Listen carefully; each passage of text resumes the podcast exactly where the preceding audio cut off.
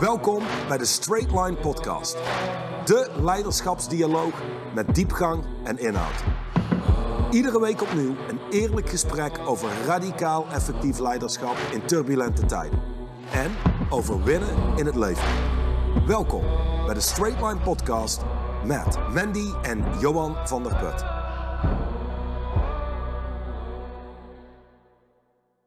Dit is de eerste podcast. Maar Ja. zo. ja, Ja, precies. ja, zeg maar. Mensen denken dat het de eerste podcast is, maar we doen dit al langer dan ik me kan herinneren. Dus al zouden we het genummerd hebben vanaf het begin, zitten we op 1782 of zo. Je bedoelt dit, zeg maar, samen in de studio zitten en praten met elkaar. Ja, ja. Ja. Ja. we zijn natuurlijk ook al ruim tien jaar getrouwd. Dus ja, praten met elkaar doen we ook heel veel. met de camera erbij wat minder. Dat- goed punt, goed punt. Hey, ehm, het boek Straight on Leadership. eh, Vandaag staat, hoe je het ook bent verkeerd, in het teken van het allereerste hoofdstuk. Maar voor het eerste hoofdstuk gebeurt er ook al iets in het boek. De introductie. Ehm, de introductie, inderdaad. Eh, de geometrie van succes. Ehm, ik heb hier zo'n super, super, super groot uitroepteken bij gezet. Want ja, zoals we weten ben ik altijd natuurlijk degene die dingen netjes voorbereidt. ja, ja, ja, tuurlijk. En jij bent gewoon voorbereid in het leven en komt gewoon opdagen. Er staat hier een quote en ik vind die eh, eh, behoorlijk briljant. En ik, wil, ik ben eigenlijk benieuwd wat jij erover te zeggen hebt in het, in het licht van de tijd waarin we nu leven. Goed? Oké. Okay, thanks. I believe that half the unhappiness in life comes from people being afraid to go straight at things. Is dit de allereerste quote uit het boek? Is de allereerste quote uit het boek, ja. Ja. Ja. Ehm, dit doet me meteen denken aan eh, Nike. Die heeft die quote, just, do, it. En dan kijk je naar de buitenwereld en dan denk je, nee, helemaal niet. De, mensen doen niet just do it. Ehm, de meeste mensen die, ehm, of ze doen weinig zou je bijna kunnen zeggen. Maar mensen gaan niet direct voor dingen. Er is Ja, nou, altijd een omweg, een softe variant. Eh, we zijn voorzichtig in onze aanpak. We zijn terughoudend in onze aanpak. Dus ehm, Ja, ik denk heel eerlijk, in de, in de tijd waarin we nu leven. Ik bedoel, het is vandaag, wat is het vandaag? Het is vandaag eh 22 september 2022. We hebben eh, zo gezegd, de, de COVID-crisis is afgerond. Hè? Onze ja, sowieso. ongelofelijke leider Biden heeft dat eh, gisteren of eergisteren verklaard op camera. De Ja. crisis is over, of de, de, de pandemic is over, heeft hij gezegd. Maar hoe je het went of keert, we, we, we komen natuurlijk van 2,5 super turbulente jaren. Ehm, en als je het mij vraagt, is het nu meer dan ooit dat people don't go straight at things. Dat mensen niet meer echt gaan voor de dingen die ze eh, besluiten te gaan doen. Ik zou willen zeggen willen, maar ze willen een hele hoop. Ze doen vaak alleen Ja, maar. ja, daar zit wel een groot, groot verschil. Eén ding, als het gaat over recht voor dingen gaan, of gewoon je gaat voor dingen. Eh, je zei net, hè, de pandemie is voorbij. Biden heeft het mooi geïntroduceerd. Ja. Dit is het ding met de leiders van tegenwoordig. We hebben geen idee of het voorbij is, of dat het dadelijk herroepen wordt. Ja, maar de niet-leiders van tegenwoordig. Ja, Ja. dus het niveau van leiderschap is zeer laag. Dus ik denk dat als je de politiek vergelijkt met die quote, kijk naar hoe ze spreken met elkaar. Weet je, je weet gewoon nooit waar je aan toe bent. Het is nooit direct en to the point en helder. Die zijn fantastisch in het creëren van vaagheid, dat niemand echt weet wat is er gaande. Dus in de huidige maatschappij wordt het steeds belangrijker om die helderheid voor jezelf te creëren en helder te communiceren. Exact. Ja. Maar als je getraind bent in deze hele context, wat wij in de komende jaren uiteen zullen zetten hier in deze podcast, Ja. dan ga je zien dat de, de politiek en de, het huidige niveau van leiderschap niks te maken heeft met leiderschap. En dat als het gaat om hoe leiders normaal gesproken spreken, dan zou je al terug moeten naar 30, 40 jaar geleden terug in de politiek. Eh, daar waren mensen nog gewoon echt mensen, recht voor zijn raap, deelden meningen, konden met elkaar ook communiceren. Dus er was geen terughoudendheid en mensen konden luisteren. Nou, Ja, en ze konden met elkaar debatteren. Want en, heb je het ook meegekregen dat eh, ons kabinet gewoon opgestapt is uit de Tweede Kamer? Nou Gewoon nee, nee, ja, nee, ja, nee, waren ze maar opgestapt. Ja, sorry. Ze zijn, ja, ja, ze zijn Ah, gewoon weggelopen, Weggelopen, in, een, eh, in een debat. Ja, Ja, weet je, laten we heel eerlijk zijn. Dit is gewoon een bende kinderen. Ja. Ehm, en ik weet dat het niet populair is om te zeggen. En ik, eh, ik heb geen politiek standpunt in de zin van dat ik ben voor links of voor rechts. Eh, ik ben wel voor leiderschap. En mensen die, waar je op kunt steunen en op kunt vertrouwen. Dus die quote, als je kijkt naar de maatschappij, mensen gaan niet direct voor dingen. Mensen zijn bang om te vragen wat ertoe doet. Kijk naar zoiets als een medewerker die salarisverhoging wil. Hmm. Hoeveel mensen komen naar je toe en zeggen: Luister, ik werk hier nu drie jaar. Ik heb veel invloed binnen dit bedrijf. Ik wil met je spreken over mijn salaris. Weinig mensen. Het is altijd voorzichtig. Mensen communiceren alsof ze op eieren lopen. En een leider communiceert nooit zo. Oké, oké, oké, oké. Goed punt, meneer Van der Put. Ehm, oké. Als het gaat om eh, de tijd waarin we leven, denk ik dat mensen ervaren dat de tijd onzekerder dan ooit is. Ze hebben geen idee wat ze te wachten staat. Ze hebben geen idee wat, eh, wat er in de toekomst allemaal weer aan nieuwe maatregelen gaan komen. Eh, dat creëert dat heel veel mensen die zichzelf nog niet hebben gecreëerd als een leider, inderdaad afwachtend worden. Niet meer gaan voor de dingen die belangrijk voor ze zijn. En dus krijg je heel veel eh, ongelukkige mensen. Want dat is wat we natuurlijk in deze maatschappij wel hebben. En daar kunnen we van alles van vinden. Hè. We, maken er ook wel eens grapjes over dat er, dat er een, een steeds zwakkere maatschappij aan het ontstaan is. Ehm, maar feit blijft dat wij als ondernemers daar wel allemaal mee moeten dealen. Eh, hoe je het ook bent. Ja. Als, als mensen in deze maatschappij überhaupt, maar als ondernemers met teamleden heb je daar gewoon mee te dealen. Ehm, dus ik denk dat dit een hele, hele mooie en, en krachtige quote is. Niet voor niks dat het boek daarmee start. Hey, als het gaat om de introductie, hè, de, de geometrie van succes. Ja, Straight line leadership staat voor eh, in een rechte lijn van A naar B. Dat is, dat is de taak van een leider. Een leider heeft helder, dit is waar we nu staan. En punt B is waar we willen of moeten komen te staan. En de, de, de meest makkelijke, directe weg is een rechte lijn van A naar B. Straight line leadership. Dan zie je al dat de quote die je net noemt, dat gebeurt meestal niet, want mensen Nee. gaan niet direct voor dingen. Dus normaal gesproken is er geen rechte lijn. Eh, zijn er allerlei afslagen die we nemen, eh, doodlopende straten die we inslaan, voordat we weer terugkomen op de rechte lijn. Nou ja, sterker nog, eh, ik denk als je kijkt op, eh, op eh, LinkedIn of welk social media platform dan ook, zie je toch heel vaak van die, van die ehm, eh, plaatjes voorbij komen. Die mensen, ja, maar die mensen hebben dus een hekel aan ons. Want daar staat dat leiderschap is dit, hè? Zeg Ja, maar, daar is A, daar is B. En het gaat helemaal op en neer voordat je een keer bij punt B komt. Ja. Het wordt ons ook letterlijk aangeleerd, zeg maar. Het wordt ons letterlijk soort van opgelegd. Dat er bestaat niet zoiets als een rechte lijn van A naar B ja. voor succes. Eh, nou ja, wij stellen dat dat wel degelijk eh, het geval is. Absoluut. En dan voor al die hele kritische, ehm, goh, sceptische, hoe, hoe moet ik het noemen? Eh, ik, wil, ik wil eigenlijk beleefd blijven, maar laat ik zo zeggen. Je je mag hebt- gewoon in deze podcast. Dit is de Straight Line Podcast. Je mag, deze is van ons. Je mag Ja, dat is waar trouwens. Helemaal jezelf Nou, zijn. je, je hebt een hele hoop van die hype-neuters en dan over het algemeen mensen die totaal geen succes hebben, die zeggen, ja nee, maar dat is niet de realiteit. Je kunt niet in een rechte lijn, er zitten altijd dingen tegen. En ehm Duchan, de schrijver van het boek, deelde het ooit zo. Die zegt, luister, als jij een vliegtuig hebt, dat stijgt op in Amsterdam en het landt in San Francisco. Als je van bovenaf kijkt, dan zou je kunnen zeggen, die gaat in een rechte lijn vooruit. Mhm. Toch is het vliegtuig 90% van de tijd van koers af. Hetgeen wat van belang is, en daarom hebben ze zo'n automatische piloot uitgevonden, is je moet steeds correcties maken om terug op de rechte lijn te blijven. En die plaatjes die jij net eh eh, bespreekt, hè, die ken ik ook. Dat is niks anders dan gewoon, je hebt te laat correcties gemaakt en je bent way fucking off. Je bent gewoon echt uit de richting. Dus ja, om het helemaal concreet te maken en helder te maken. Je bent een groot deel van de tijd als ondernemer van koers af. Het belangrijkste is de snelheid waarin je opmerkt dat je van koers af bent Exact. en correcties maakt. That's it. Dus dat is Ja. het belangrijkste. Heel, heel, heel goede uitleg. Hey, eh, ik heb hier een, eh, een, een klein stukje gearseerd van de introductie van het boek. Ehm, eigenlijk om te zorgen, deze hele podcastserie, de Straightline podcast-serie die we nu aan het maken zijn eh, voor de komende 52 weken, staat in het teken van het boek. En eh, nou, jij en ik hebben in ons leven allebei ongelooflijk veel mensen gesproken die het boek Straightline Leadership hebben gelezen. En eh, in mijn beleving zijn er drie categorieën.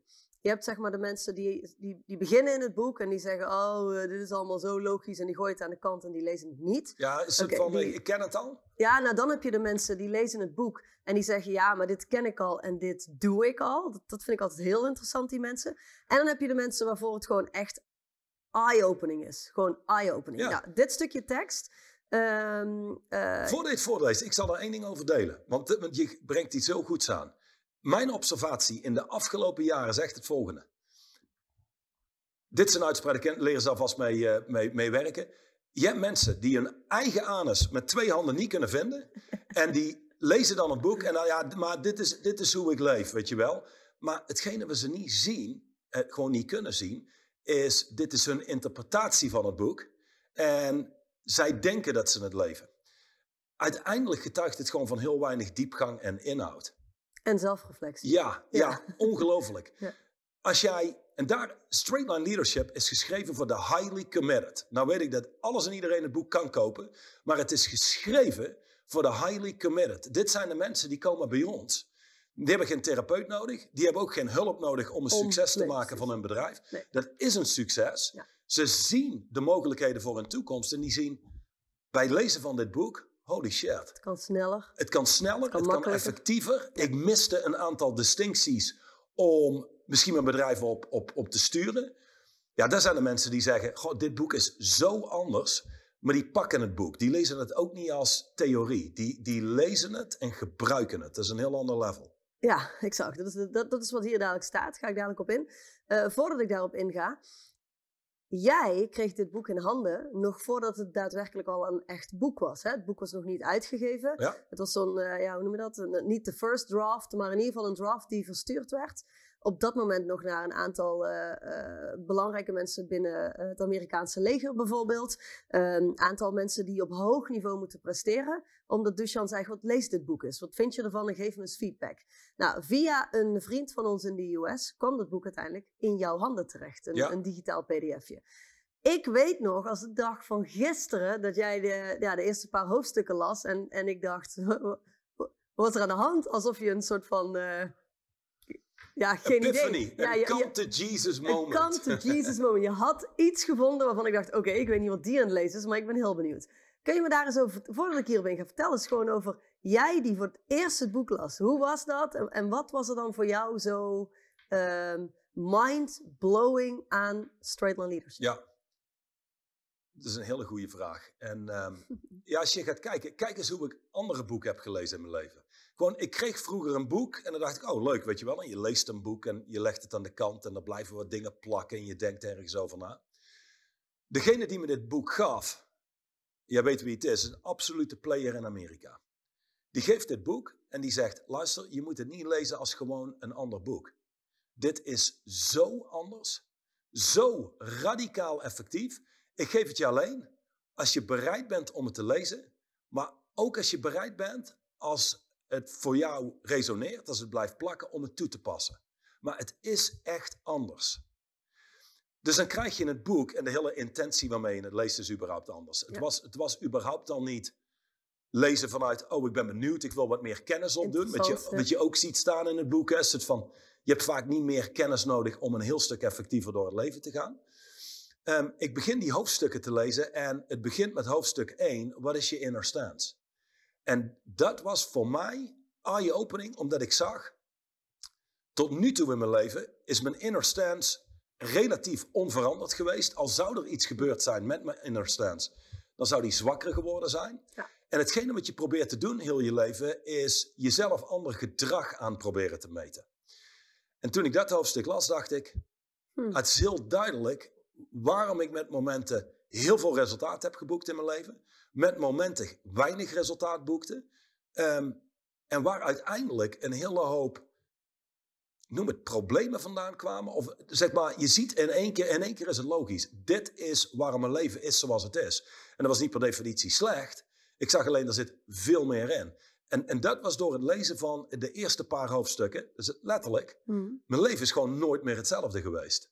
En dat vind ik zo verbazingwekkend dat er mensen zijn en die lezen het boek en die zeggen, oh oké, dit weet ik al. En die leggen het aan de kant en dan denk ik, kijk nou hoe je leeft. Zeg maar, je hebt geen idee wat, wat dit inhoudt. Wat voor waarde hierin zit. Ja, Ik, ik weet dat wij natuurlijk samen altijd stellen, uh, heel eerlijk, er is voor ons persoonlijk een leven voor straight line leadership en een leven na straight line leadership. En, en uh, daarop, er is geen één cliënt waar we één op één mee werken of die in een mentorship lidmaatschap zit, die niet exact hetzelfde zegt. Ja, ja dat, dat, dat is eigenlijk net wat ik wou zeggen. Ah, nee. Oké, dus uh, we, we, gaan dit heel even kort, kort uitlichten, uh, nog uit de introductie, zodat wanneer we naar hoofdstuk 1 gaan en mensen meeluisteren met ons, ehm, ze ook op de juiste manier luisteren. Dat, dat, Ja. dat, dat gaat ze helpen. Ehm, misschien herinner je je nog je eerste. Yes, ik kan het. Toen je leerde zwemmen of rolschaatsen. Nou, dat herinner ik me niet meer, maar ik kan me er iets bij voorstellen. Dat was zo'n aha-moment. Wat je leerde, is je daarna voor altijd bijgebleven.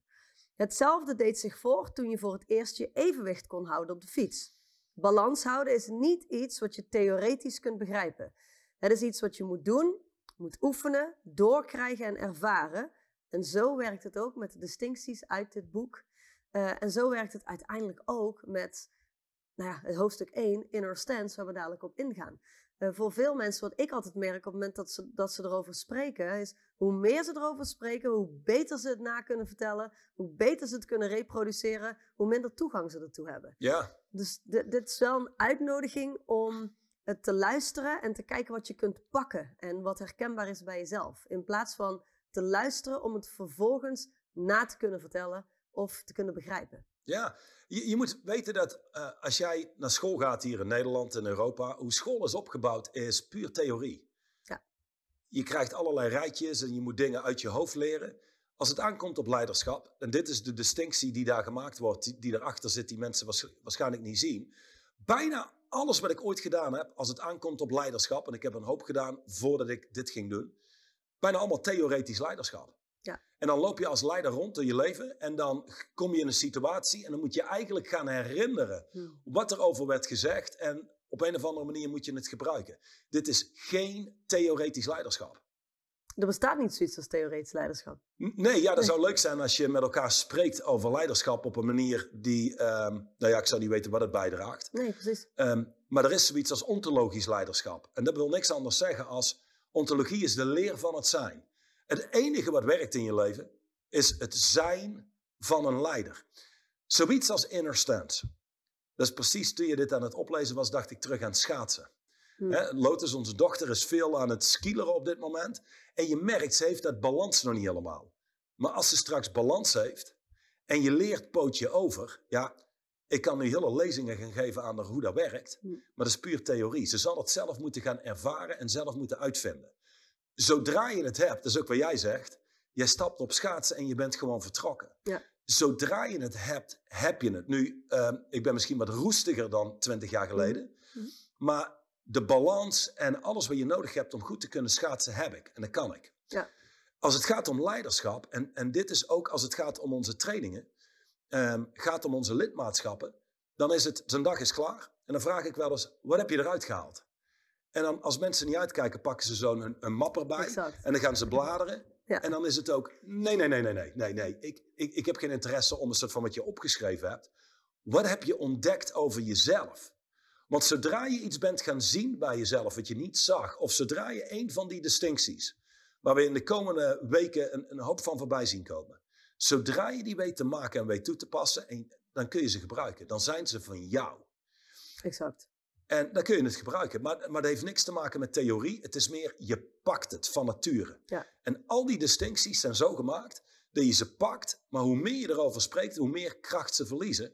Want je wil ze toepassen. Daar zit de kracht. Ja, exact. Het gaat, het gaat hem in, in deze om pakken wat er gezegd en geschreven wordt, in plaats van begrijpen wat er gezegd en geschreven wordt. Dat is niet nodig. Je hoeft helemaal niks te begrijpen van wat we zeggen, om het toch te pakken en ermee te kunnen gaan werken. En nu je dit zegt, degene die meeluistert nu en denkt, maar hoe, hoe zit het Ah, en wat bedoel je ermee? Ja. Het is juist dat wat je af wil leren. Ja, exact. Want ik ken mensen die kunnen echt beter vertellen wat er in het straight line boek staat dan ik zelf kan. Ja. En dit is mijn hele leven. Dit is de afgelopen 12, 13 jaar ben ik met niks anders bezig geweest als dit. Zij weten het theoretisch beter en dan kijk je naar hoe ze leven en dan denk je, dat is één puinzooi. Dus dit weten heeft geen nut. Het is, je hoort een aantal dingen, die, die pak je op een diep level en je gebruikt ze. En dan zie je het resultaat daarvan. Daaraan weet je of het werkt. Dus dit is nog één ding wat, je, eh, wat ik moet delen. ja, vertel je maar. Je, eh, we hebben nog, eh, oh, nog, Je, je moet nog je 30 voorstellen. minuten. Dus we gaan terug naar het begin. Ik krijg dit boek in handen, ik krijg contact met Duchan. Ja. Vervolgens kost het een hoop moeite om hem aan de telefoon te krijgen. Mhm. En lang verhaal kort. Ja, hij had eigenlijk ook geen zin om met je te bellen, want Dusan houdt eigenlijk niet van coaches. Nee, Nee, ja. nee. En ik weet heel goed waarom. Want ik zei in het verleden, zei ik, goh, heel eerlijk, 90% van alle coaches daarbuiten hebben gewoon zelf niet eens een coach nodig, echt een therapeut. Ja. Inmiddels heb ik daar wel bijgesteld, moet ik zeggen. Ik denk dat ik op 96% zit. wat eh, wat eh, gewoon niet functioneert. Ik ken money mindset coaches die geen geld, Geld hebben. hebben. Die je denkt, als dit, als dit een echt beroep zou zijn, hè, coaching. ehm, wat het Wat natuurlijk het is. ergens is. Maar als je dat vergelijkt met een tandarts, my god, man, die hadden allemaal vastgezeten voor Ja. wanpresteren. Je hebt mijn gebit gewoon. eh, ehm, ja, Filistijnen geholpen. ja, exact. Nou, dus, dus, dus dat gezegd hebben, de meeste coaches hebben zelf hulp nodig. Hij wil niet werken met coaches. Waarom? Omdat hij ziet, er zijn geen mensen die normaal gesproken in staat zijn een business te runnen. Precies. Je hebt een hobby, dus- je hebt een business. Ehm, je hebt iemand nodig die bereid is dit 80, 90, 100 uur per Ja, week te doen. te zien als een echte professie. Gewoon Ja. als, als, als iets echts. Maar jij zei, want ik was je aan het onderbreken, nu gaan we helemaal een andere kant op. En ik ben scherp als ik met jou in gesprek Ja. ben. Tracking noemt Dusan dat. Jij zei, nou, het was al moeilijk om met hem in contact te komen. Mhm. Je ging verder, eh, je ging iets vertellen. Dus eh, ga terug naar het verhaal. Du- dus vervolgens heb ik hem aan de lijn. Wij hebben een heel gesprek. En eh, toen de tijd was het 175.000 dollar, de, de oude prijzen. Om, om voor een jaar met hem te werken als cliënt. Ja, ja, exact. Maar Mhm. het gesprek wat ik had was zo impactvol. Het leek net alsof die zeg maar, een soort van in mijn hoofd kon kijken wat er gaande was. En terug kon geven wat ik zelf niet eens kon zien. Ja. Dus ik wist, ik moet dit doen. Er waren andere tijden. Dus dat was enorm veel geld toen dat tijd. Ongelooflijk dat, dat je dat zo kunt bekijken. Maar toen dat tijd was dat zo. Mhm. Toen gingen we van start. Ik vlieg naar San Francisco. Ik zit voor zijn neus en dit is het eerste wat hij deelt. Zegt hij, ehm, ik wil niet dat je iets gelooft van wat ik zeg. Hm. En ik dacht toen, luister, voor 175.000 dollar ga ik alles En een geloven vlucht naar wat je San zegt. Francisco. Ja. ja. En, en vervolgens zegt hij, luister, if what you're believing is true, You don't have to believe it. ja, dan, als dat wat je gelooft waar is, hoef je het niet te geloven. Ik bedoel, iemand die rondloopt en zegt, weet je, ik geloof niet in zwaartekracht of ik geloof wel in zwaartekracht. Who, Who cares? cares? Want het is er. Ja, exact. En hetzelfde geldt voor dit boek. Weet je, er is helemaal niks wat je in onze komende podcast moet geloven. Nee. Het enige wat telt, maar echt het enige wat telt, anders ben je je tijd aan het verdoen, is wat pak je hieruit en wat leef ik, wat pas ik toe. En dat is wat het verschil maakt. Al het andere is, ehm, hoe noem je dat, mentale masturbatie of Zo Zo- zou Christophe Kuppens het noemen. het is een theoretische oefening wordt het anders. Nou, zullen we naar hoofdstuk 1 gaan? Want anders dan redden we het niet. Ehm, ik vind dit ook nog wel een mooie. Dit, dit is eigenlijk, als ik heel eerlijk ben, wat, wat vanuit mij met deze podcast, eh, ja, wat ik zou willen bewerkstelligen voor andere mensen. Want dit, de quote van Bijan, the world Wacht, set... wacht. Oké. Voor degenen die meeluisteren. Je krijgt een, een quote te horen van Bijan Paksat. Dit is een cliënt geweest van Dushan voor zeven jaar. Ja. Dit is een man. En ik wist niet eens dat deze wereld bestond. Je kunt niet eens zijn winkel binnenlopen. Nu, door COVID is alles op afspraak. Hm. Of was alles op afspraak. Dit was in 1980 al op afspraak. Ja. Dus hij heeft één winkel. Nu inmiddels zijn het er twee. Hij had één winkel op Rodeo Drive. En Dushan vertelde over, over hem. Luister, hij kon wat hij voor ogen had. Niemand wilde of kon dat produceren. Hij is het zelf gaan doen. Maar dan spreek je dus wel over een pak. Simpel pak. 40.000 dollar. Een trenchcoat, 60.000 dollar. Een bedspray, 250.000 dollar. En dan spreek ik al over, over eh 15 jaar geleden. Mhm. Eh, dit was in de jaren 80 eh, is hij gestart, denk ik. Ehm, dit is een uitzonderlijke man. Want de meesten die luisteren, die denken absurd. Dat mensen dat soort bedragen vragen en betalen voor. Maar luister, dit is zoals geen ander. Dit is wat hij biedt. Kun je nergens anders krijgen. Dus voordat je het afschrijft als onzin, er is een, niet een hele grote markt, maar er is een, een markt van presidenten, koningen, zeer succesvolle mensen. Dat zijn cliënteel. Die kopen daar en zodra ze dat hebben gedragen, willen ze nergens anders meer naartoe. Dus ik denk, ik doe een introductie dat je weet van wie die quote afkomt. Het is niet zomaar even een kledingmaker of zo met een, met een winkeltje op de hoek. Hij is miljardair geworden met één winkel. Niet eens zo'n grote winkel. Nee. Nee. The world said conform. The world said settle for less. The world said compromise and no one will know. So I made my own world. Los van Bijan, wat ik daar eigenlijk van wilde zeggen is... Dit is hoe voor mij de afgelopen 2,5 jaar is geweest. Dit is hoe voor jou de afgelopen 2,5 jaar is geweest. En hoe voor Christophe. En zelfs voor veel mensen in ons bedrijf de afgelopen 2,5 jaar is geweest. Ehm, wij creëerden onze eigen wereld. En ik wil niet zeggen dat we disrespectvol om zijn gegaan met onze omgeving. Nee, altijd gepast en met respect naar onze omgeving. Maar we zijn geen slaven van wie dan ook. Van wie dan ook. Niemand bepaalt hoe wij ons leven kunnen leven. Niemand anders dan jij en ik. En niemand anders dan de mensen die in onze organisatie werken. Um, uiteindelijk, als je het mij vraagt wat straight on leadership je brengt, op het moment dat je bereid bent, bereid bent om uh, te reflecteren op jezelf, eerlijk te kijken en daadwerkelijk in actie bij te stellen, dus dan geeft straight on leadership je de mogelijkheid om je eigen wereld te gaan creëren. Binnen die wereld waarin we met z'n allen leven. Um, en ik denk dat dat het grootste cadeau is wat mensen zichzelf en zeker hun kinderen en volgende generaties zouden kunnen geven. Dus, voordat we daar weer over uitweiden, we hebben niet eindeloze tijd. Hoofdstuk 1, wat is jouw inner stance? Ik heb een aantal dingen gearseerd die ik zou kunnen voorlezen en dan spreken we erover. Wellicht heb jij in de basis überhaupt iets wat je eruit wil gooien. Um, ja, luister, inner stance wil je niet bombarderen tot iets theoretisch. Het heeft niks te maken met positief denken. Um, nee. Er heeft, zit ook totaal geen kracht in positief denken. Komen we later dan wel op terug. We kunnen eigenlijk overal over uitweiden. De, een inner stance is. Dit is in ieder geval de kern van ons werk. Dit is waar het om draait. Dit is wat, wat maakt ons, of, of ons, Straight Line Leadership, nou fundamenteel anders dan al het andere out there is het feit dat wij gaan naar het fundament van een mens en we zijn niet bezig met je gedrag te veranderen. Ja. Er is, er is geen enkele reden om te focussen op gedragsverandering. Er is nergens voor nodig als Sterker je andere nog, resultaten wil Mijn ervaring op het focussen op het veranderen van gedrag is echt frustrerend. Ja, is Want je valt steeds terug. Denk aan iemand die wil afvallen. In het boek, daar komen we nog wel achter, heet dat zigzaggen. Maar je cirkelt bijna steeds terug naar hetzelfde punt. En dat is logisch, want in de kern blijven de meeste mensen hetzelfde. Nou ja, exact. Juist doordat ze focussen op het veranderen van hun gedrag. Verandert het er niks bij zichzelf. verandert er niks bij zichzelf. En misschien, sterker nog, eh, het is, het is zo'n cirkel. Hè? Het, eh, hoe meer je focust op het veranderen van je gedrag, hoe, hoe meer je eigenlijk vast komt te zitten in dat gedrag. Ja. ik denk zeker dat afvallen is zo'n typisch voorbeeld. En dan geven Ehm, mensen ook op, hè, na verloop van tijd. Dus dan krijg je dat, eh, heel eerlijk, ik heb het al zo vaak geprobeerd, Ja. dan, dan wil je er niet eens meer naartoe. En dan maken reden excuses, of resultaat maakt plaats voor reden en excuses. En dan leef je de rest van je leven vol met reden en excuses waarom je in je leven niet hebt wat je eigenlijk wel zou willen. En vervolgens, en dat is wat er heel veel gebeurt in deze wereld, word je afgunstig richting de mensen die wel hebben wat jij graag zou willen. Hè? Dus dan, dan wordt Of afgunstig, of leven gewoon. je hebt een hele mooie rechtvaardiging waarom je het niet hebt. Weet je wel, Ja, even die ondernemers die zijn failliet gegaan. Toevallig sprak ik een van mijn cliënten eh, eh, vanmorgen. Die eh, kocht die nieuwe, die nieuwe Ferrari, die SUV. Dan weet je wie het is.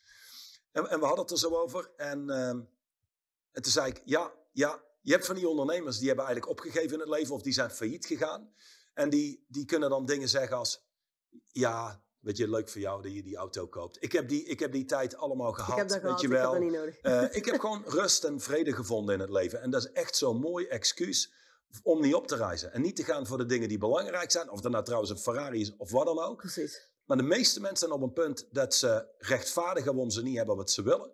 Of hebben de lat naar beneden bijgesteld. Ja. En dat is eigenlijk het onvermogen om, ehm, zie het, om te shiften van een inner stance. Of om te dealen met wat je voor je hebt. Ja, ik, ik denk dat.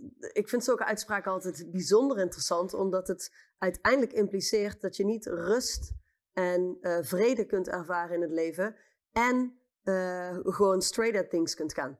Zeg maar, het, eh, de men- mensen doen alsof dat niet beide kan. Eén van de twee is Het ja. is een van de twee, maar het is niet een van de twee. Oké, goed. Ehm, op de eerste pagina van hoofdstuk 1, een klein stukje naar beneden, naar de tweede alinea, daar ga ik een stukje tekst lezen. Ja. En dan schiet maar, eh, of gooi, gooi er maar uit als je eruit wil gooien.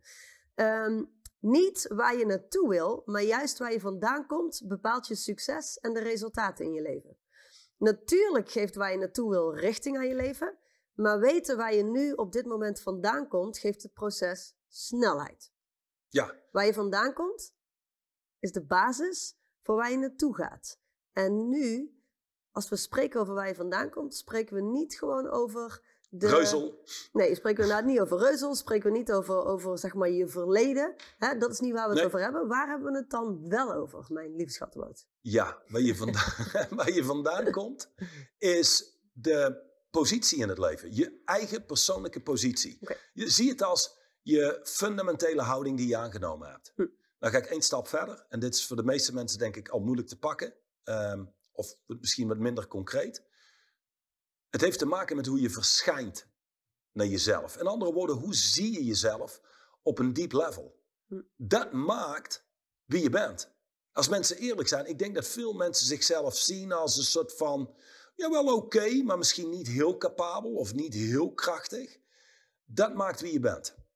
Nou, om daarop door te gaan, ik denk wat bevrijdend was in het lezen van dit boek, onbewust hebben veel mensen toch ergens het idee, ja, ik kan mezelf wel een beetje verbeteren. Mhm. Ik kan dingen misschien wat anders doen. Ja. Maar ze van mezelf totaal opnieuw uitvinden gaat niet. Want mijn persoonlijkheid maakt nou... Of Is er doen wie het ik ben? Hier, ja. De- karakter of persoonlijkheid is een soort van alsof het... staat vast. Ja. Of- ja. Dus de, de- net als eh, ik ben nou eenmaal blond geboren, dus eh, ik, ik kan niet van mezelf zwart haar hebben. De positie van waaruit je in je leven handelt, eh, zegt het boek verder, is tenslotte wie je bent. Dat is wat jij net zegt. Met wie je bent bedoel ik hoe je verschijnt richting jezelf, richting anderen en richting het leven in het algemeen. Hoe je leeft. Hoe je in je leven functioneert. Wat je doet of niet doet. Wat je zegt of niet zegt.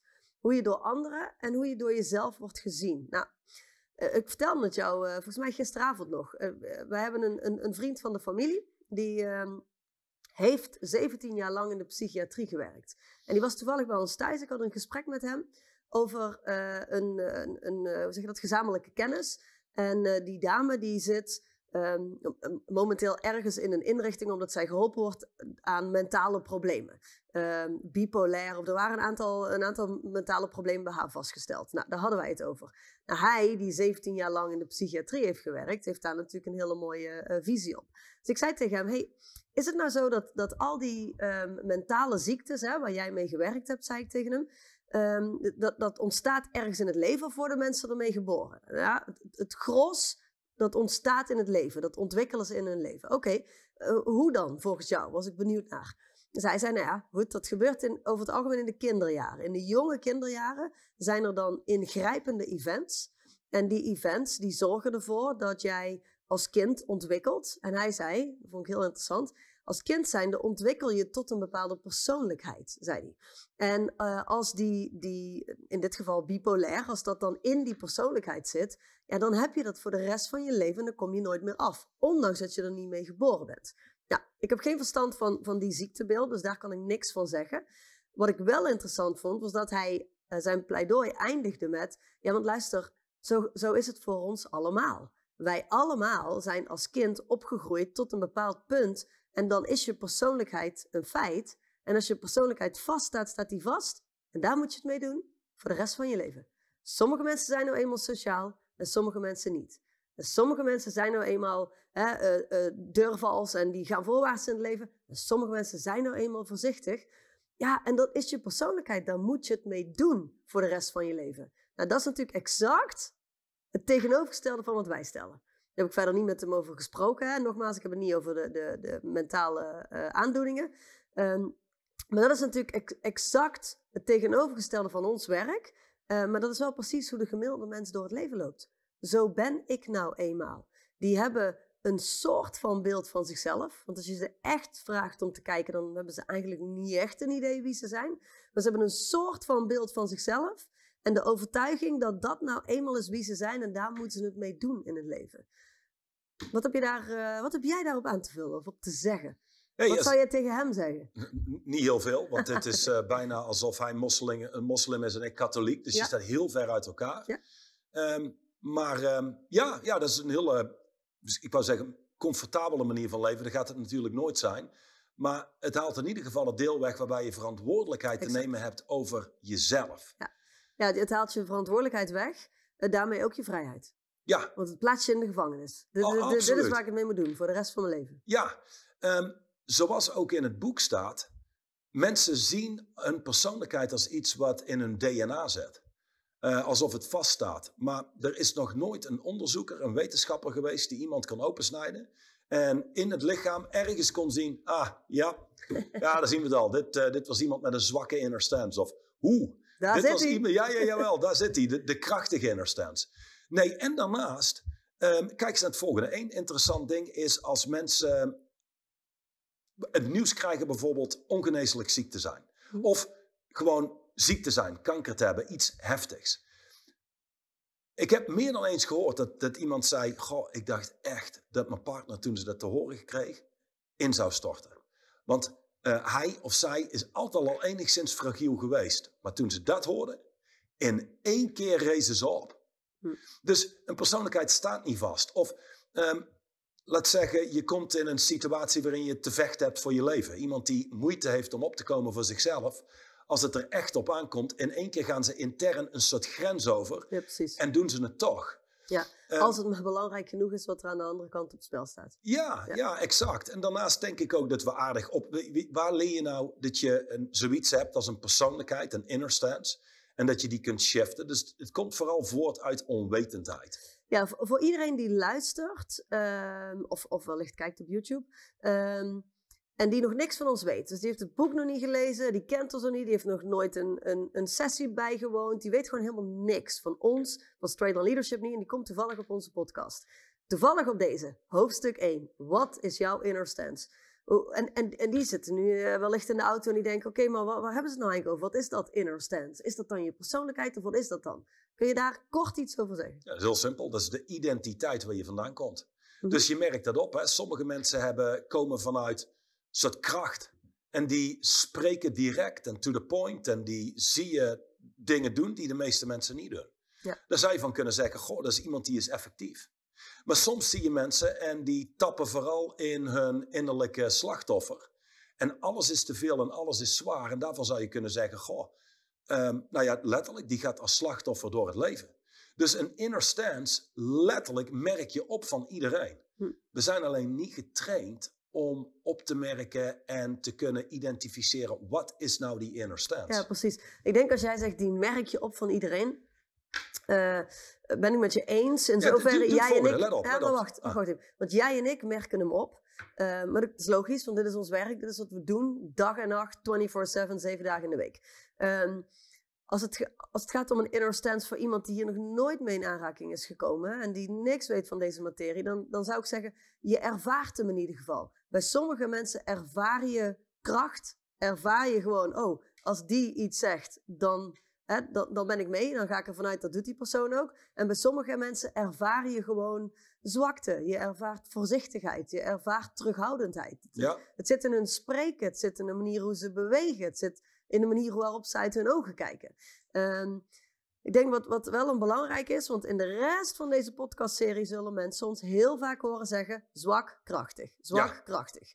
Ehm, dat, dat is ook letterlijk wat we ermee bedoelen. Zwak, krachtig. We bedoelen niet slecht, goed. Juist, onjuist. Wij zeggen niet op het moment dat iemand vanuit een zwakke inner stance komt, is het een slecht persoon. En een zwakke inner stance is heel erg ineffectief in je leven. Het brengt je heel weinig goeds en vaak heel veel uitdagingen. het is vooral heel zwaar in je leven. Maar Ja. als je komt vanuit een zwakke inner stance, dit is misschien wel een makkelijke uiteenzetting. Als je komt vanuit een zwakke inner stance, word je alle hoeken ingeduwd door het leven zelf. Situaties, mensen en omstandigheden. Iemand met een krachtige inner stance is in staat om invloed uit te oefenen op situaties, mensen. Ja, dat is een Ehm, goeie. dus je hebt veel meer ownership in het leven als je komt vanuit een krachtige inner stance. Sterker nog, ehm, een, heel, een hele krachtige inner stance hebben is wel een ander leven dan de meeste mensen. Dus je, je bent wat vierkant in een ronde wereld. Dus mensen In hebben ieder daar geval in deze wereld. ja, oh, absoluut. Ja. En mensen hebben daar een oordeel over. Eh, soms positief, en weet je wel, dat zijn de mensen waar je naar opkijkt. Maar iedereen waar, waar je naar opkijkt heeft ook vaak een hele hoop haters of mensen die tegen zijn. Dat is oké. Maar in de afgelopen jaren heb ik vooral gezien dat het is als iemand komt vanuit een zwakke inner stance, dat is echt een pittig leven. Het is echt een zwaar leven. Want nogmaals, je bent overal het effect van. Het leven wordt je aangedaan. Ja. En ehm, Terwijl ergens ervaren zij. Ik, ik denk dat het zeg maar short-term, long-term is. Dus op korte termijn eh, hebben ze meer comfort. Want mensen met zwakke inner stances, mensen die als slachtoffer door, door het leven lopen, ehm, die, die, die doen wat de massa doet, zeg maar. Die steken nooit, nooit ergens bovenuit. Die steken nooit ergens aan de zijkant uit. Ze worden niet gezien. Het is heel veilig. maar veilig. Ja. ja. het is heel veilig. En ik denk in het moment zelf heel comfortabel. Ik denk dat voor heel veel mensen zeggen wat ze werkelijk denken heel oncomfortabel is. Ehm, ook omdat ze het nooit doen natuurlijk. Um, wat ze alleen niet realiseren is dat in de long run letterlijk al het leven uit je gezogen wordt. Gewoon al het leven wordt uit je gezogen als je maar meeloopt met de meute en zelf je eigen ik zou bijna wel zeggen, je eigen hersens niet meer activeert. Ehm, en dat is als je het mij vraagt, want in, in de tijd waarin we nu leven, en in, in de huidige samenleving in Nederland en Vlaanderen, Europa, eh, de US, uh, is dat wat je heel veel ziet gebeuren. Je ziet mensen zwakker en zwakker en zwakker en zwakker en zwakker worden. Um, waardoor komt dat, denk jij? Wat, wat, wat maakt op dit moment dat, dat er zoveel mensen van een steeds zwakkere inner stance komen in plaats van vanuit kracht? Ja, de, hele logische verklaring. Hè? Het is, ehm, je kent de uitspraak: hard times create strong men. Dus denk aan de Eerste Wereldoorlog, de Tweede Wereldoorlog. Hey, jongens van 18 worden op uitzending gestuurd, weten helemaal niet of ze nog thuiskomen. Um, de, een, goh, een hele pittige wereld. Dan heb je de tijd na de oorlog. En moet je je voorstellen dat je dan komt vanuit: ik wil wel mijn passie leven. Ik wil wel echt doen waar ik van hou. En dat zijn de problemen waar, de, waar die Waar ze nu tegenaan lopen. En toen was het, oké, veel plezier. Eh, maar we hebben gewoon een land op te bouwen. Ja. Weet je, maar ja, maar dit is helemaal niet mijn, uh, mijn uh, beeld wat ik had. Who cares? Het is niet waarvoor ik, waarvoor ik geboren ben. Ja, dit is, dit is inderdaad niet mijn purpose. Fuck jou en je purpose. We hebben werk te doen. Ja. dat was het vroeger. Weet je wel, ik heb het idee dat ik een burn-out krijg. Oh, oké. Nou, heb die burn-out terwijl je je werk doet. um, dus dat, en ik zeg niet dat het goed is, hè. Maar dat creëert een, een cultuur. Ja, zeker. Dat, dat creëert een bepaalde level van weerbaarheid. Exact. Nou, dan, dan vervolgens, laten we heel wel wezen. Ik ben opgegroeid eh, en geboren in 1980. Hey, dat was een wereldtijd. Weet je, er was geen oorlog. Um, je, als je wilde ondernemen, je kon een hoop succes boeken. Er lag eigenlijk geen, niks in de weg. Je hebt een keer, um, in de jaren 80 is een soort uh, recessie geweest. 87 geloof ik, in 2008. Je, je hebt wat momenten gehad. Maar overal, we, we hebben het zo, wacht even, we hebben het zo ontzettend goed. Dat, hey, stel je hebt geen werk, dan krijg je um, een uitkering. Um, stel je bent ziek of zo, je, wordt hier in Nederland, België, fantastisch geholpen. Um, Amerika is er misschien soms nog wat anders. Je baan is wat minder veilig. Uh, gezondheidszorg is anders dan hier in Nederland. Dan heb je de politiek die bijna aanmoedigt om een slachtoffer te zijn en gebruik te maken van allerlei regels. Um, ja, dan is het ook logisch. Je hebt minder kracht nodig, want de wereld vereist het niet. Exact. Dus krijg je hard times create uh, strong men. Nou, we hebben die sterke mensen, die creëren goede tijden. Maar die goede tijden creëren eigenlijk een soort comfortabele mensen, wat leidt tot zwakheid. Ja. En, maar ik kan je één ding garanderen. De tijd is, is, hebben we gemerkt, niet meer hetzelfde. Nee, maar dat niet alleen. Voor degene die denkt, oh, we zijn weer bijna terug naar normaal. Biden kondigt aan, de pandemie is over. Ja. We gaan niet meer terug naar normaal. Althans, het zou mooi zijn, maar iedereen die zijn ogen open heeft, ziet een hele andere toekomst. Een toekomst waarbij het meest waardevolle bezit is niet 18 miljoen euro op je bankrekening, is niet die Ferrari die die cliënt bestelt, nee, is een krachtige inner stance. Exact.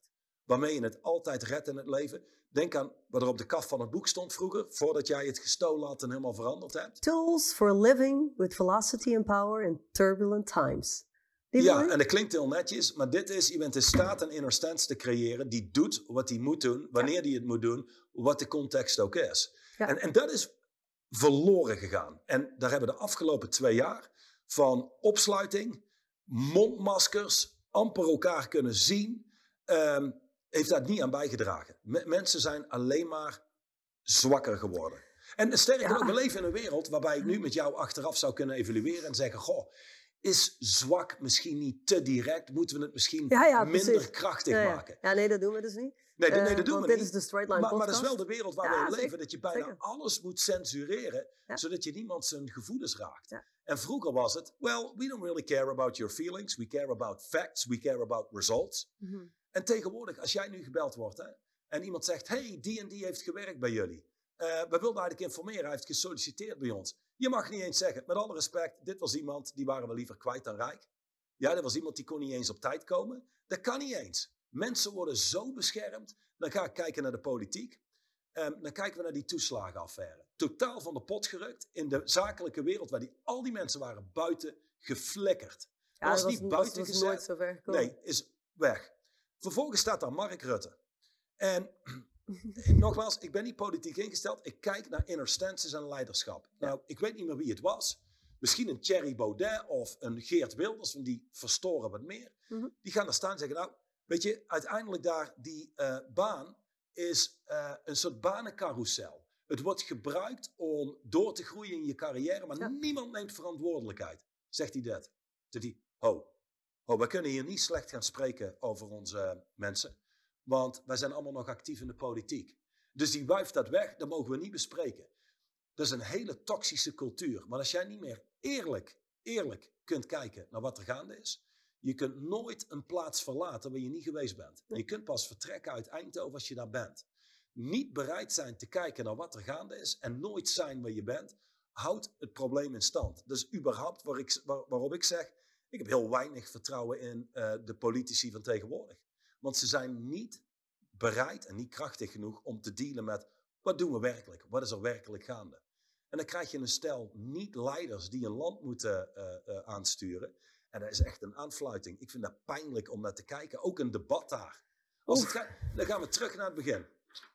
En, en dan gaan we kijken naar de debatten in de politiek. I believe that half the unhappiness in life comes from people being afraid to go straight at things. Luister, als het is eh, spreken in codetaal. Ja. Dat is daar. Je- die zijn aan het spreken, die zijn een uur verder en er is niks echt gezegd of gedeeld. Dat is een kunst, dat is echt een kunst.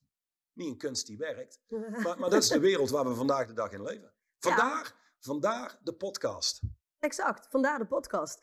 Ehm, ik ben het met je eens, dat is de wereld waar we vandaag de dag in leven. En als we heel eerlijk zijn, ehm, wij, wij stellen altijd, en wat is de reden waarom dat bedrijven een nee krijgen te horen van ons als ze ons bellen, wat vaak gebeurt, dat ze ons bellen en zeggen, oh, we hebben een partij nodig die kan komen werken met ons managementteam. Kunnen we jullie invliegen en kunnen jullie die gasten effectief maken?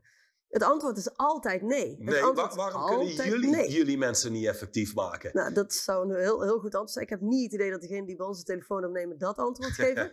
Eh, maar uiteindelijk, waar komen wij vandaan? Wat is, de, wat, is de, wat is de hele gedachte daarachter?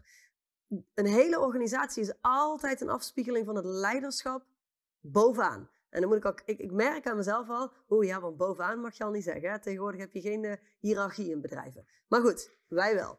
Ehm, dus het leiderschap bovenaan, de, de afspiegeling van hen is wat je in het bedrijf eh, ziet. Dat is natuurlijk in een land net zo. Dus in een land net zo. Het leiderschap van een land, ondanks dat wij het als niet-leiderschap eh, verklaren, het leiderschap van een land is wat je creëert in de rest van het land. En dat zie je ook. Want mensen in Nederland en in Vlaanderen en in Europa en gewoon in de westerse wereld zijn ook niet meer in staat om eerlijk te kijken. Die hebben ook heel weinig Oh, dit, reflectie ja, vermogen. precies. Maar wat je nu zegt is dit. En dit is me opgevallen en dit is alleen maar meer geworden. Ehm, uiteindelijk, als je heel succesvol wil zijn met wat je dan ook doet, vertel wat mensen willen horen en wat goed voelt. En ze geloven je graag. Hm. Deel iets wat zeer waardevol is, wat ze liever niet horen en wat niet goed voelt. En ze cancelen. En ze cancelen je, maar ze willen er ook niks mee te maken hebben. Dus Nee. mensen zijn niet meer in staat om even los van hun gevoel en emoties gewoon te observeren. Werkt het? Ja of nee? Mensen Ja. zijn zo makkelijk voor de gek te houden. Ze zijn een makkelijke prooi tegenwoordig. Ja, dus zeker. nee, om, om dit af te ronden, want we moeten langzaam naar een einde. Ehm, ik weet nog dat ik, ik denk een kleine twintig jaar geleden ging ik naar Rusland. En ik weet nog, en, en als het gaat over inner stances, hoe anders landen zijn. Dus ik kom in Rusland aan. Ik sta in de rij voor de douane. En dat wordt gewoon, dat zijn mensen die kijken naar me, die dringen voor. En dat is een veel hardere inner stance. Mhm. Het is veel kouder. Eh, letterlijk, maar ook figuurlijk, mensen daar. Mhm. Dus die, als het gaat over direct spreken, een stuk meer nog. Dus een beetje van die ijskoude lui. Misschien wat we hier hadden in de jaren 60 misschien of zo. En vervolgens kom je in Amerika, dat al een stuk warmer is. Die mensen denken misschien wat groter. Mhm. Misschien soms delusional. Ehm, en dan ga je vervolgens ga je naar Zweden en dan merk je gewoon op, al die landen hebben andere inner stances. Mhm. En dan ga je kijken naar Rusland. Dat was koud, zeg maar, koud en dodelijk. Gewoon voorwaarts, dat was, dat was dat land. Dan ga je nu kijken, zal het ongetwijfeld anders zijn. Ik ben er niet meer geweest, zeker in de afgelopen periode. Ehm, maar dat is interessant, je merkt dat, je, je ervaart dat als je ergens binnenkomt. Dus ieder land, ieder bedrijf, Ja, iedere familie heeft ook een, Een inner waar ze vandaan komen. Exact. Oké. Oké, je zegt we moeten gaan afronden. Dat vind ik heel goed. Ehm, heel kort, dus eventjes kijken. Ehm, of er nog iets is, want we hebben... Mm, tuurlijk, ah, ik vind dit nog wel, nog wel een goeie. Weet je want ik, ik wil wel graag dat mensen de podcast luisteren en dat ze... eh, ze hoeven niet na iedere podcast een of andere epiphany te hebben, maar dat ze er iets mee kunnen voor zichzelf. Hè? Dat ze enigszins het ergens kunnen plaatsen. En er zit natuurlijk heel veel in, dat snap ik. Ehm, hier, eh, Verderop in hoofdstuk 1 staat: Begrijp goed dat ik hier niet spreek over positief denken. Je probeert je negatieve gevoel niet te verbergen of onder het tapijt te schuiven met positieve pep talks. Want dat is wat ik wil. Ik, een inner stance is niet iets als in fake it till you make it. Zo, Nee. ik ga nu stoer door de wereld lopen en ik ga net zo lang doen alsof ik stoer ben totdat ik stoer word. Dus, voordat je begint. Dat soort pep talks ben je na één nacht slapen direct weer kwijt. Hè? Die positieve pep talk, één nacht slapen en je bent er weer kwijt. Ik probeer ook helemaal niks te verzachten. Ik wil dat je transformeert wie je op dit moment van binnen bent op het allerdiepste niveau waar je gekozen inner stance ligt, die alles voor je bepaalt. Want uiteindelijk zul je in het, in het, in het boek kunnen lezen, voor degenen die daarin geïnteresseerd zijn, eh, als mens zijn hebben we een hele hoop inner stances. Ik bedoel, eh, op het moment dat jij eh, op het bedrijf bent en er, er, is, er is iets gaande en er moet een keer met de vuist op tafel geslagen worden en zaken moeten doorbroken worden, dan heb je te maken met een hele andere Johan dan, eh, dan de Johan die eh, op vrijdagavond met mij en Chris aan het eh, naspreken is over live dagen en, en we hebben lol met elkaar en je bent de comedian. Versus die op zaterdagochtend onze dochter Lotus skielerles geeft. Hè? Dus we als mens zijn hebben we allemaal verschillende inner stances. Maar ergens diep van binnen is er wel een soort van fundamentele inner stance waar je vandaan komt als mens. En wij stellen, die kun je aanpakken. Die kun je transformeren. In een instant. Ja, Nu. Logisch dat er mensen zijn die nu zeggen, ja maar hoe doe ik dat dan? En, en, even los van hoe doe ik dat dan, daar komen we misschien later op. Misschien een belangrijke vraag, hoe kom ik erachter wat die inner stance is? Hoe weet ik nu wie ik nu ben? Wat mijn inner stance is en met welke inner stance ik fundamenteel door het leven loop? Hoe, hoe kun je jezelf daar eh, van bewust worden? dat kan, dat kan alleen maar door directe observatie. Mhm. Dus je wordt je vaak bewust. Ik heb een voorbeeld. Ehm een van onze mensen op kantoor is net nieuw begonnen. Die zei: Goh, ik kwam binnen op kantoor bij Rashid. En dat is onze CEO. En ik ben een verhaal aan het delen. En ik ken Rashid natuurlijk goed. Daar is ze door binnengekomen. Ja. Vervolgens komt Christophe binnenlopen. En Rashid zegt: Oh, deel dit even met Christophe. En ze zei: Ik voel me gewoon kleiner worden. Hmm. Omdat ik hem ergens op een voetstuk plaats. Dat is een directe observatie die ze daar doet. Ja. Ja, en je zou kunnen zeggen dat Christophe op een diep level haar in contact brengt met hoe ze zichzelf ziet. Ja.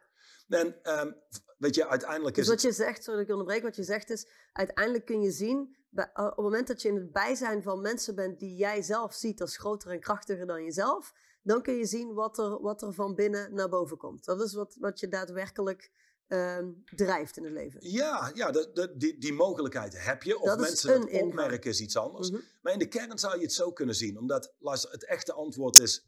Ik kan hier niet uiteenzetten hoe je dat ik. doet. Ja. eh, Ah ja, eh, goed, uiteindelijk als je het mij vraagt, is het wel heel simpel. Is er wel één heel simpel antwoord en dat is namelijk, zwak. kijk naar de resultaten in je leven. Ja, Kijk gewoon naar de resultaten in je kijk naar de, kijk naar de realiteit waarin jij leeft. En kijk naar de mensen waarmee je je omringt. En kijk naar de baan die je hebt of het bedrijf wat je hebt. En kijk gewoon bekijk de resultaten in je eigen leven. Kijk naar je gezondheid, kijk naar je relaties en je ziet vanzelf of dat dat iets is wat gecreëerd wordt door een zwakke inner stance of door een krachtige Ja, inner dat wou ik net zeggen. Dus in de kern is het of je hebt een zwakke inner stance of een krachtige inner stance. Ja. Ehm, als je denkt, ja, ik zit er tussenin. Dat is over het algemeen een zwakke inner stance. Ja. Ehm, en je zult zien, hey, pak eens een, of een gebied in je leven waar je veel vertrouwen hebt in jezelf. Waar je competent bent, Mhm. wat je vaak hebt gedaan. Voor sommigen is dat spreken voor een groep. Bij sommigen is dat, ehm, goh, ik moet iets maken Brood bakken. brood bakken, inderdaad, whatever dat het is. Kijk eens wie je daar bent ten opzichte van een situatie waar je minder bekend mee bent. Dus Mhm. vaak ook minder noem het zelfverzekerd bent. Ja. Ehm, en dan merk eens op wat het verschil is in wie je bent daar. Ja. Ik denk dat een, al zou je iets praktisch eruit willen halen, er zit een hoop in, maar dan eh, stel we moeten je helpen, dan zou dit het zijn. Oké, oké, oké, oké. Volgende week de Straight Line podcast nummer 2 met hoofdstuk 2. En dan gaan we in op de cirkelwereld. Die, eh, als je het mij vraagt, zo ongelooflijk interessant is voor mensen om, eh, om uitgediept te krijgen. Omdat, nou ja, zoals wij altijd stellen, iedereen leeft ergens in zijn leven in de cirkelwereld. Iedereen leeft ergens in zijn leven in de zigzagwereld. En hopelijk leeft iedereen in ieder geval ergens in zijn leven ook in de straight line wereld. Ja, Eh, de cirkelwereld is, is, is eh, vaak eh, de grootste voor veel mensen. En hè, zoals wij zeggen, of zoals je daarnet zei, je kunt pas ergens vertrekken als je er bent. Voor mensen is het belangrijk om in welke, welke cirkel ze zichzelf eigenlijk vasthouden, voordat ze voorwaarts kunnen bewegen. daarover volgende week meer.